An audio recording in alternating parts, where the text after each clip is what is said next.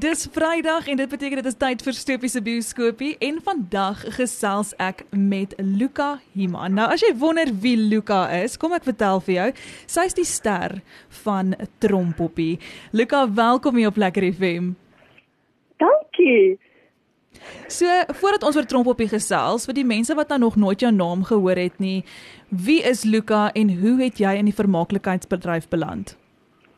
So hallo, ek is Luka. Um ek is 14 en um ek het in die vermaaklikheidsbedryf beland want my ma is Margit my Rodenbeek, julle ken waarskynlik as Dobbetola. Um so my hele lewe nou was ek soos rondom kultuur en kuns en drama. Um my ma en my pa besit die restaurant teater die boer in Durbanville.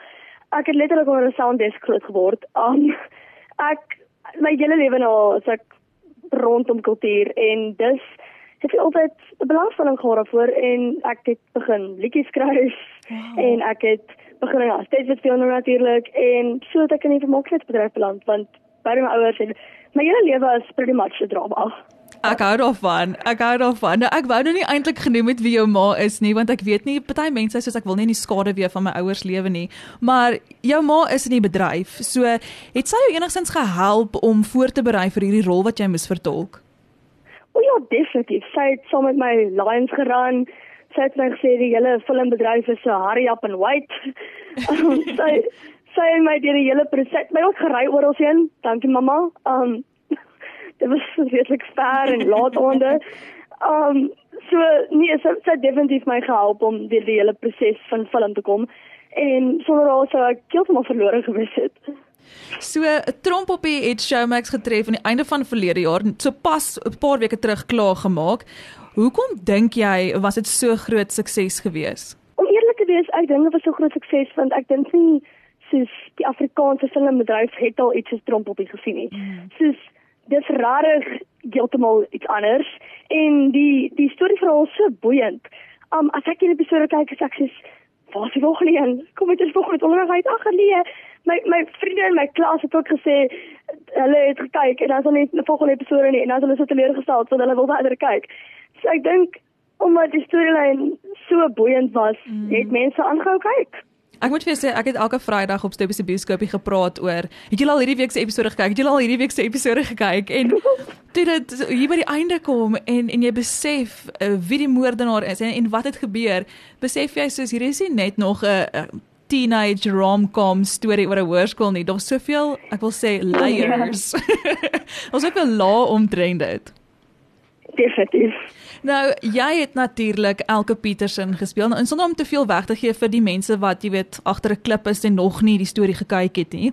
Ehm, um, wie was Elke en is daar eienskappe van jouself wat jy oorgedra het na Elke Petersen toe? So Elke Petersen was um Joel Petersen wat hierdie soos um Sepie Ster um is se aangenome dogter. Um en sy was altyd die tweede opsie want sy het gelewe in die Petersen wat ook aangeneem was, wat die hooftrompoppie was mm. en um die ster van die show was en sy was altyd die tweede opsie. Um Elke was ook geniaal in soos biologie, ek kan nie relate nie. Um en sy was fantasties wiskunde, kan ook nie relate nie.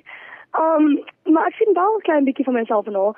Ek dink sy's baie donkerder weergawe van mm -hmm. ek die algemeen. Sy's ek is redelik optimisties vir mens. Maar sy's sy is 'n meer pessimistiese kant van my. Sy's ek kan baie um sy's eienskappe verlos sien in terme van sy's jy sien sy's net so geïrriteerd as ek baie keer. Yes. Mm. Sy's 'n baie geïrriteerde mens overal. Yeah. Ja. En ek dink ook um die feit dat sy baie keer redelik alleen voel. Mm. Um ek dink dit is iets wat met baie tieners kan ooreenstem. Um veral omdat hulle nie rarig is ongeveer te rol nie. Ja. Okay, wel dit maak vir my 100% sin en ek's bly dat jy nie 'n donker psigopaat is nie. Ek dink dit is wat ek da, van hierdie afgaan vat. Daarom nie, daarom nie. Nou vir die mense wat nog glad nie Trompoppie gekyk het nie, wat nog nie eens die lokprent gesien het van Trompoppie nie. Hoe sal jy dit opsom in een sin as jy kan? Ongenome. Um wag, nou moet ek net dink, dis 'n baie goeie vraag daai. Um ek sê waarskynlik tromp op die opsom in um wat jy sien is nie wat jy kry nie van oh. genade. Elke liewe episode dink jy die moordenaar is iemand anders. Dis is dis dis 'n rollercoaster. En ek, en ek dink regtig hoe dit toe dit geëindig het was jy so ja, elke episode dan dink jy nee, dis daai persoon mm, nee wag, maar dit moet hierdie persoon nee, dit daai en jy het dit regtig net nie sien kom nie. Ek dink dit is die Nee. brilliance van hierdie hele storie. So, ehm um, Elke Petersen se hoofstuk is afgesluit. Wat is volgende vir Luka Himan? Op die oomblik weet ek nie. Op die oomblik gaan ek maar net wat met die flow, um maar hopelik kom daar binnekort weer iets groot, maar op die oomblik sien ek maar wat gebeur. Wel, ek hoop regtig dat jou toekoms nog vol van hierdie fantastiese dinamiese karakters is. En dankie, dankie. dat jy kom kuier het hier op Lekker FM. Dit was regtig vir my lekker geweest om met jou te gesels. Dankie dat ek kom kom kuier.